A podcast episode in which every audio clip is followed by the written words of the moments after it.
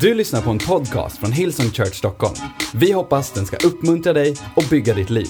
För att få mer information om Hillsong och allt som händer i kyrkan, gå in på www.hillsong.se.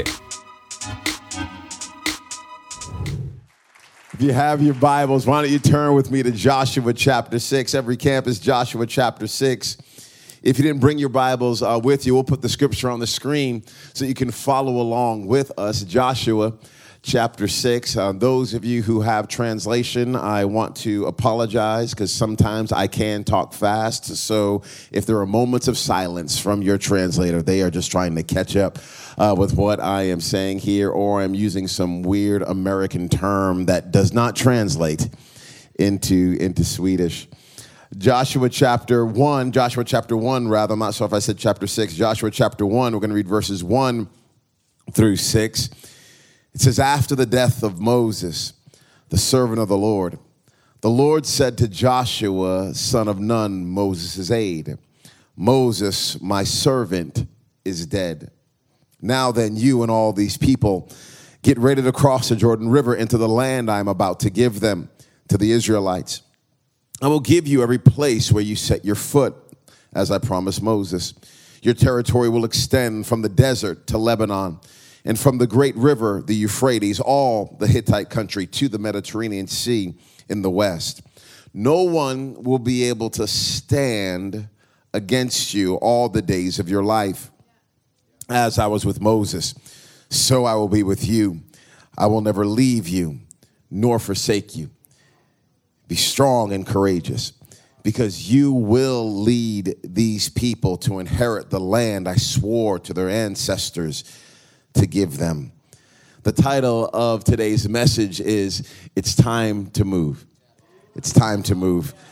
I, uh, I was on staff at a church for, oh, 12 years uh, before we launched our church uh, wonderful church and uh, thankful for my pastors love them so much and i have the opportunity to, to work on that team you know be, be on uh, that staff and um, your pastor and i actually have some similar stories and working with uh, young adults and singles ministry. I've done so many weddings okay? I have done so many weddings. We had lots of single people in our church and me being the singles pastor for a long period of time i got to do so many weddings. Now that I'm a senior pastor, I'm way more selective uh, with my weddings. I'm glad I get the opportunity to say, I can't do that one. I have been to so many rehearsal dinners. I have been to so many rehearsals. I am thankful for every one of those times, but but now I, I get to I get to say, no, Eric and other staff pastors, you guys have the opportunity to cut your teeth on all of this stuff as well. I was on team. I loved being on team. I loved holding up the arms of uh, my leader. And then there came a time where God uh, actually gave me a dream, and I was supposed to go lead my own church. Uh, believe it or not, it actually happened in um, two, October of 2009. It was the very first time I ever saw your pastor. Uh, he was up front uh, sharing uh, about the launch of Hillsong Sweden and how all of that came together and sharing the story uh, about their beautiful, now 10 year old daughter who had walked through uh, these significant uh, medical challenges. And thank God for his grace and where she is now. But I was, we were hearing the story, and my wife and I remember us sitting in the back there at Hillsong London, and we turned to each other and said, Man, that guy has just the kindest spirit. And it's beautiful to see all these years later that, that he's still the same and, and walks with that same kind of humility and love. And church and ministry has not jaded him, but made him more in love with Christ and more in love with people. But, but in October of 2009, I had that dream that I was supposed to, I was supposed to lead my own church. I was supposed to go from, from holding up someone's arms to now allowing someone else to hold up mine. I was supposed to go from a place of being uh, under this individual's authority, and now other people are going to be under my authority. It was a shift, it was a change that was happening. And I'd like to tell you it was an easy one. I'd like to tell you it, uh, it came without any hiccups or problems at all. I'd like to tell you that I just stepped right into it with confidence and with joy and with excitement. I'd like to tell you that, but that's not the reality of my story. It, it's one thing. I, I know how. I know how to hold up somebody else's arms. I know how to have an eye for what my leader needs. I understand how to tune into the person that's above me and go, hey, what do you see? So I can see what you see. And I, I understand what it's like to get some orders from someone and to carry out those orders as if they are my own. I, I used to play basketball in college and, and I, I was what was called the point guard. So the coach would make the play play, and then I was the one that would dictate the play on the on the court. I, I understand what it's like to get orders and then to give orders like they're my own. I understand stepping into leadership on someone else's behalf. But now I was coming into a place where I had to lead on my own. This is very similar to some of you who are listening to me today, and you understand what it's like to be on staff, but it's another thing to lead the company. You understand what it's like to work with your peers, but now you are the manager or the supervisor of people who used to be your peers. It's one thing to be friends and buddies with all of your friends from school, but, but now you're the one that has to lead your class. You're the one that has to lead your school. You're the one that has to lead the organization. You're the one that has to lead. And it's just different to go from, hey, we're buddies, we're friends, to now I have to step up into a new place of leadership. It requires a mindset shift. It requires a lot of things to happen in your heart and in your soul in order to make the shift from just being on the team to seeing yourself as the leader. And I need you to see here that here we have Joshua and he is stepping into some of the biggest shoes ever. Moses, okay? Come on, God. Are you kidding me? Moses, I mean, the guy parted the Red Sea. Moses, I mean, the guy who went to Pharaoh and said, Let my people go. Moses, the one, oh God, no, no, no. But you read here, you read here, look what God is saying to Joshua and what he is saying to us. He's saying, after the death of Moses. So we hear it the first time, death of Moses. Okay, the, the servant of the Lord, the, uh, the Lord said to Joshua, son of Nun, Moses aide, now God is speaking, Moses, my servant, is dead. After the death of Moses, Moses, my servant, is dead. After the death of Moses, Moses, my servant, is dead. After the death of Moses, Moses, my servant, is dead. It seems like God is trying to get to Joshua. One season is now over. What you used to be is now over. Where you used to be is now over. It is time for you to switch into the next season. It is time for you to move into the next mindset. It is time for you to go into the next place of leadership and authority that I have for you. And for those who are at Hillsong Sweden, and right now you are being faced with something that's in front of you that feels more daunting than you've ever had before. You're going from single to married, you're going from a high school to college, you're going from one campus to nine campuses, you're going from one place to the next place. I need you to understand Moses is dead. There is a season that is over, there is a time time that is over, and you have been called to move.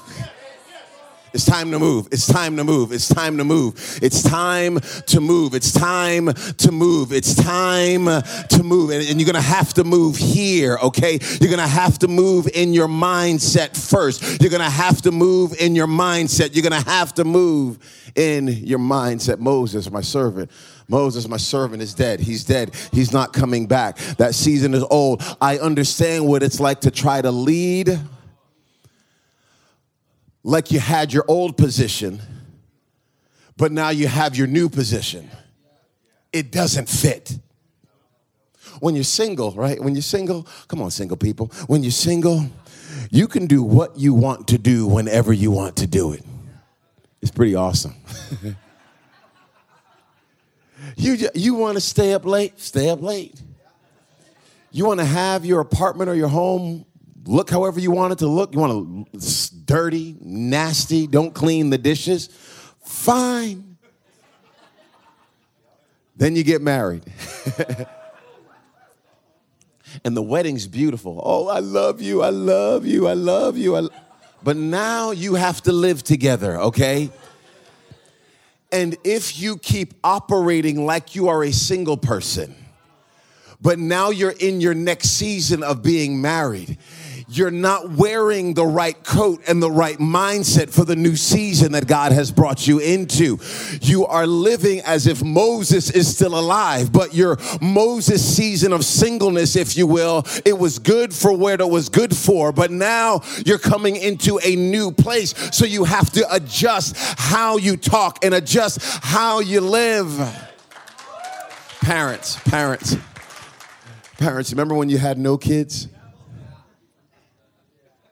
It's kind of like being single.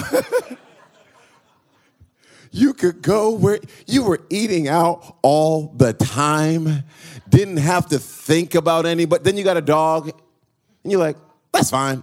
Throw the dog in the crate, go on out. When you get a child, you can't throw the child in the crate. You can't throw them in the little cage there and say, hey, here, here's some food and here's some water. I'll be back later. Now you've got this other human being that you've got to carry around with you everywhere that is crying for reasons you have no idea why they are crying, that are staying up and you've changed their diaper, you've given them food, you've done everything you possibly can to get this child to go to sleep. And that child is still just going, wah, wah, wah. You have, there's a shift there's a shift from going from a husband, from being just a husband, to being a husband and a father. There's a shift from going from just being a wife to being a wife and a mother. There's a shift. And we get so comfortable in our old season because it was a season that God had for us. It was a place that He actually put us. So we think maybe we're supposed to be at that place forever. But the reality is, God is saying, No, I did not call you to that spot forever. I called you to that spot for that season. But now Moses is dead. So he says here to Joshua, look, he says, he says to Joshua, he says, now then you and all these people get ready. Get ready. Get ready. Get ready. Get ready get ready. I just honestly, when I was on my way here, I was just praying for Hillsong Sweden, and I just felt shift. I felt move. I fe- I just all this is the stuff that was coming to my heart and my mind for this church, your pastors, this place, this calling, the anointing. That it, j- just get ready, get ready, get ready, get ready. You have to prepare yourself. You cannot do not get so comfortable in the spot that you are in right now that you think this will be your spot forever. I'm thankful that you're an usher now, but one day God might be calling you to be in kids or you're in kids right now and maybe God has on your life to be a campus pastor or maybe you're on the platform now, but he wants you to be behind the scenes. I don't know what shift or move might need to happen, but I need you to get ready for what God is trying to do and do not think that he's forgotten you. He's just trying to bring you into the next. Moses, my servant, is dead. Now you and all these people get ready. Get ready mentally. Get ready financially, even. Get ready financially. Can I just talk about this just for a quick second? Okay, many of us have such big, generous hearts. We want to do so many things, but we're bound by debt and we're bound by some foolish decisions that we have made. I just want to encourage you get ready financially. Don't, don't allow the, the old of your, the Moses the last season to hinder what God is trying to do in the next season. Get things ready now. Begin to put God first in your money now. Be, get ready now. Let Him begin to trust you now. So now, then the next season He brings you into, you're ready for it. When He brings you more provision, you're ready for it. When He brings you more influence, you're ready for it. When He brings you more opportunity, you're ready for it. Get ready. Come on, it's the start of the year. It's time. It's time. What, what are we waiting for anyway? If you're still breathing, that means God still wants to do something with your life. I, I, don't know what every other campus looks like, but I'm thankful the one that I'm in right now, this room that I'm in, I love it because we've got people that are younger and people that are older. We've got people with gray hair, people with no hair, and people with long flowing hair that we cannot stand you. We got people all across the spectrum. But here is the reality. Yes, there is a next generation that's coming. And the youth, man, I love seeing the youth jumping up and down and going, ooh, la, la, ooh I'm loving all of that is so much fun. Yes, God has a plan for your life, but I also want to talk to the seasoned citizens in our church as well. You 30 somethings, 40 somethings, 50 somethings, 60 somethings, even 90 somethings. If, if you're still breathing, God has something He wants to do in you and through you. He is not yet done with your life. I need you to get ready to step into the next. Get ready. Get ready. Uh, this this is not in my notes, but let me just share it real quick. Okay, I think it's let me see numbers. Uh, I'm making it up right now. I'm making. It, I think it's Numbers chapter 14. Okay, so uh, Joshua. Oh, it might be Joshua chapter 14. I don't know. Look it up later. Google it. So Joshua and Caleb, they were the two. They were the two individuals that went into the land, okay? And they spied it out and they came back with a good report. All the other spies came back with a bad report. That's why the children of Israel had to wander around the desert for all of those years. But Joshua and Caleb, they came back with a good report. But so God said, "Hey, Joshua and Caleb, they will inherit the land, but all these other people, they're going to die in the wilderness." So they were wandering for 40 years. Then there's this little, this little quote, this little interaction that Caleb has with Joshua. And Caleb says, uh, Excuse me, sir, excuse me. Hey, remember when we went to the spy out the promised land and we came back with a good report? Well, well, Moses promised me that land. He promised it to me. And I know we've been wandering around these 40 years. And he says, This is what Caleb says I'm 85 years old, and I'm just as strong now. I'm just as strong now as I was then. Give me the land that God promised me 40 years ago. Can I just talk to your older folks for just a second. What did God promise you maybe 20 years ago, maybe 40 years ago that you set aside? I just want to reawaken the call and the plan and the destiny that God has on you. He is not done with you yet. You get ready to step fully into the promise that God has for you. That was free. That was free. He says, verse number three, I will give you, I will give you every place where you set your foot. I will give you every place where you set your foot. I will give you every place where you set your foot. If it was written today, maybe say, I give you every place where you drive your car. I'm, I'm to give you every place. I'm to give you every place where you set your foot. Do you, do you see this promise? You see this promise? I'm to give you every place, every university where you set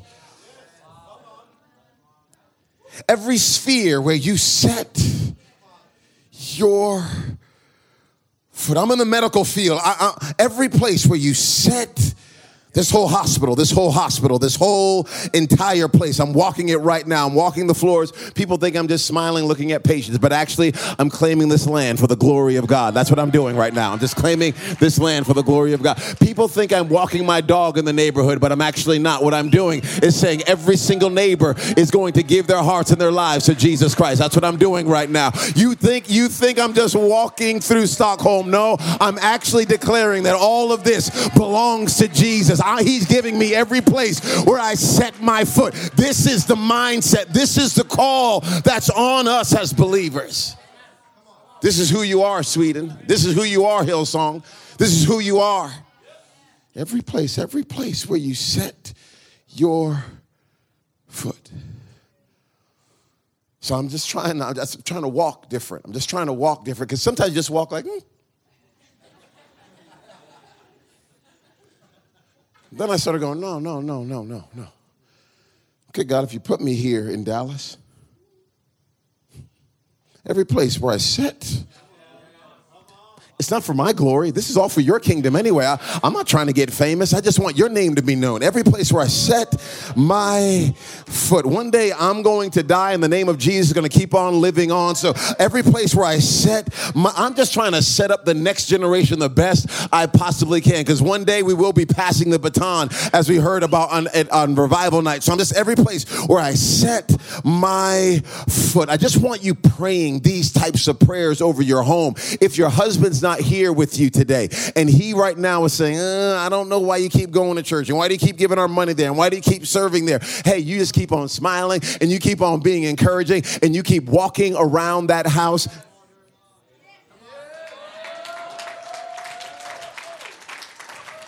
God, I thank you for I thank you that you're grabbing a hold of my husband's life. I thank you so much that his heart belongs to you. I thank you that you have not forgotten about him. And I know it's hard at times, God, and I know there's some times I want to quit, but I think that this, this whole home belongs to you. My kids belong to you. Our money belongs to you. Our hearts belong to you. Our energy belongs to you. Every place where you set your foot. Okay, okay. Let me keep on going here. Let me keep on going. He says, Every place you set your foot, as I promised Moses. Okay, so now I want you to see, I want you to see that, that the kids are receiving the blessing that, that was promised to a previous generation. As I promised Moses. I promised Moses something, but I'm giving it to you. I promised Moses something, but I'm giving it to you. I wonder what churches there were in the 1200s, 1300s, 1400s here in Sweden that were praying prayers, and God made promises to them.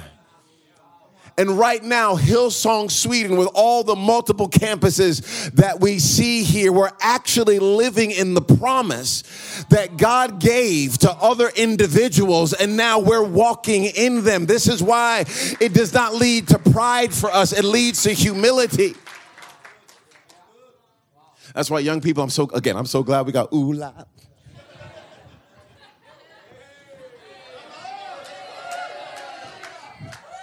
Yeah, I, I love it. So fun. I'll be sore for 14 days after just doing that move right there. I love it. But please understand, understand, uh, youth, I'm so excited. Summer camp is coming. You got to get there. You got to get there. It's going to be amazing. But youth, understand, you will you will receive. You'll be the beneficiary of some promises that were actually given to the Moseses that went before you. So you do not walk around with pride like you know everything. You walk with humility and with a listening ear, saying, "Hey, those who went ahead, what can I learn from you? Because God promised it to you, but I'm the beneficiary." beneficiary of what he promised you. It's an inheritance. It's an inheritance. Something that God has set aside for you. Okay, okay, I got, I got, I got, I got to get done. I got to get done. Okay, okay. So he says, skip, see with me to verse number five. No one, no one will be able to stand against you all the days of your life. Now, this is a great promise. And there's also a problem. Most promises come with a problem. Most promises are like the answer to a problem. I'm trying to think of a promise that is not an answer to a problem. The promise is no one's going to be able to stand against you. The problem is someone's going to stand against you.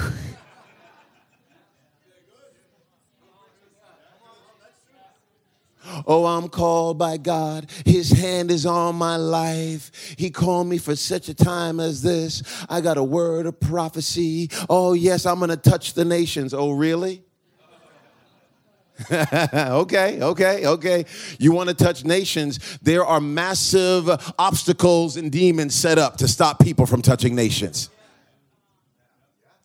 Oh, I'm going to I'm going to be the best wife. I'm going to be the best husband. I'm getting married. I'm getting Okay, okay, okay, okay. I'm glad you're happy. I'm glad you're happy.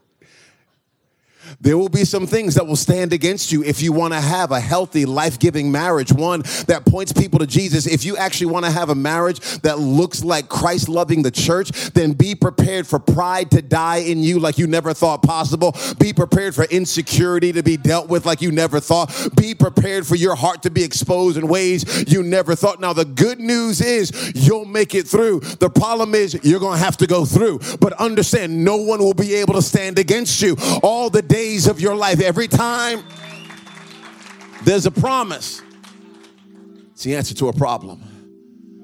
But this is good news. This is good news because the children of Israel are about to go into a land. They weren't fighters. These guys were wanderers. God was taking care of them for all these years. But now they're about to have to start fighting. They're going to have to begin to fight. They're going to have to begin to fight. Their first fight actually ended up being worship. You know, when they walked around the walls of Jericho those seven times for those seven days, and the walls ended up coming down. But after that, there was obstacle after obstacle after obstacle. There was a promise that God had given them, but that does not mean there's not problems and opposition that you have to face. Do not think the opposition is a sign that God is against you. As a matter of fact, the opposition could very be the sign that God is actually for you and He's taking you to the place that you're supposed to be. We're not running. God gave me this promise that no one will be able to stand against me because He knew someone would try to stand against me. So if you're trying, he calls you to get the business off the ground. Do not be surprised when the economy goes the opposite direction. God, I thought you called me. Nothing, not even the economy, will be able to stand against you. You will be able to accomplish the plans and the purposes that God has for your life. I thought God called me to be married. How did I just get this cancer diagnosis? Nothing will be able to stand against you. Don't be surprised that something came against you. Just know that God is on your side and you've got a church family that will be praying for you every single day, holding up your arms, trusting for the God of heaven to fill you and encourage you and push you forward. No one will be able to stand against you. As I was with Moses, so I will be with you, he says. I will never leave you. I will never forsake you. Be strong and courageous. Be strong and courageous. Be strong and courageous. Be strong and courageous. I even speak this over your pastors. Be strong and courageous. Because God's hand is all over your life and has given you a word, not just for this nation, but for the nations. Be strong and courageous. Be strong and courageous, husbands, fathers mothers, wives, daughters, sons, sisters, brothers, singles, married, be strong and courageous. You don't have to muster this up. You're strong and courageous because this is who you are.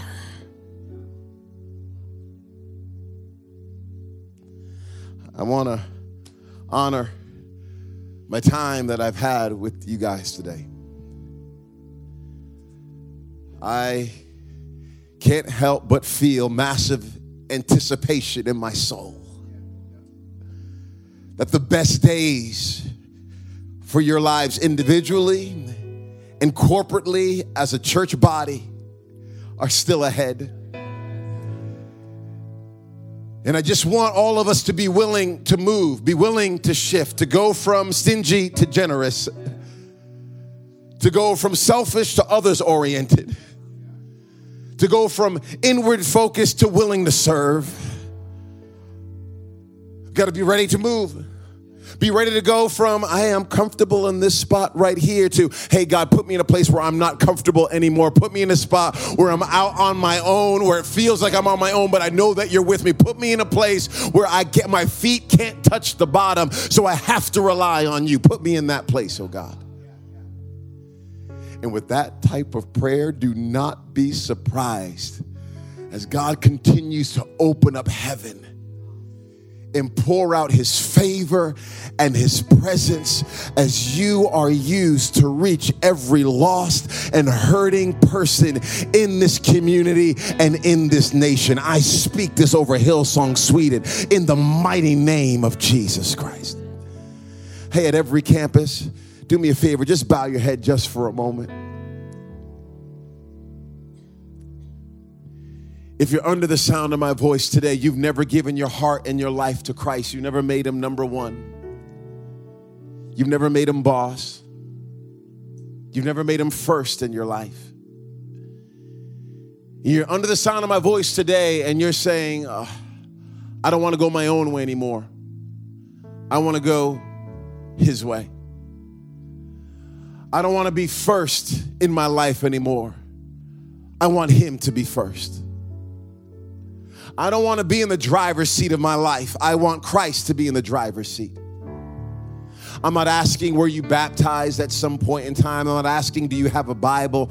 I'm not even asking do you believe in God per se. I'm asking is Jesus Christ number one in your heart and in your life? Have you surrendered your life to Him? Is He first? Maybe there was a time you were following Jesus, but you slipped away and you've gone another direction. And maybe you're here this weekend and it's a New Year's resolution and you're trying to get back on track. I want you to know that God's arms are open wide to you you. His grace is here and He is ready to give you a brand new start. If that is you here, you've never given your heart and your life to Christ, or at one point in time you did and you slipped away. And today you are saying, Earl, I want to give my heart, I want to give my life to Jesus for the first time or rededicate my life to serving Him. I'm going to ask you to do something simple, but something incredibly bold. On the count of three, at every location, I'm going to ask you to shoot your hand in the air and say, Yes, that is me. I want to give my heart heart and I want to give my life to Jesus Christ. Come on, ready? One, two, three. Just shoot your hand in the air. You're saying, Yes, that is me. I want to give my heart. I want to give my life to Jesus Christ. I want to make him number one. I want to make him first at every single campus. At every campus, you're saying, Yes, I want to make Jesus first in my life. I want to make him number one. I don't want to go my own way anymore. I want to go his way. I'm going to ask every person at every location, do me a favor, put your hand over your heart right now if you would not mind.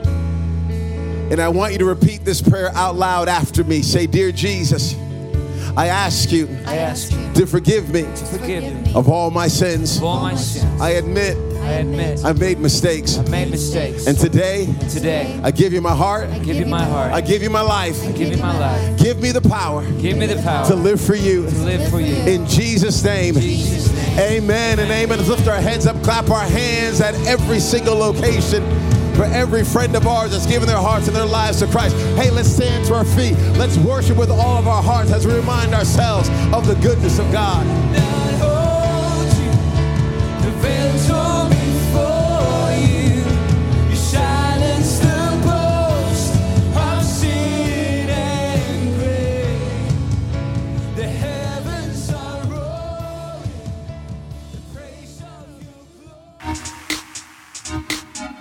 Du har lyssnat till en podcast från Hillsong Church Stockholm.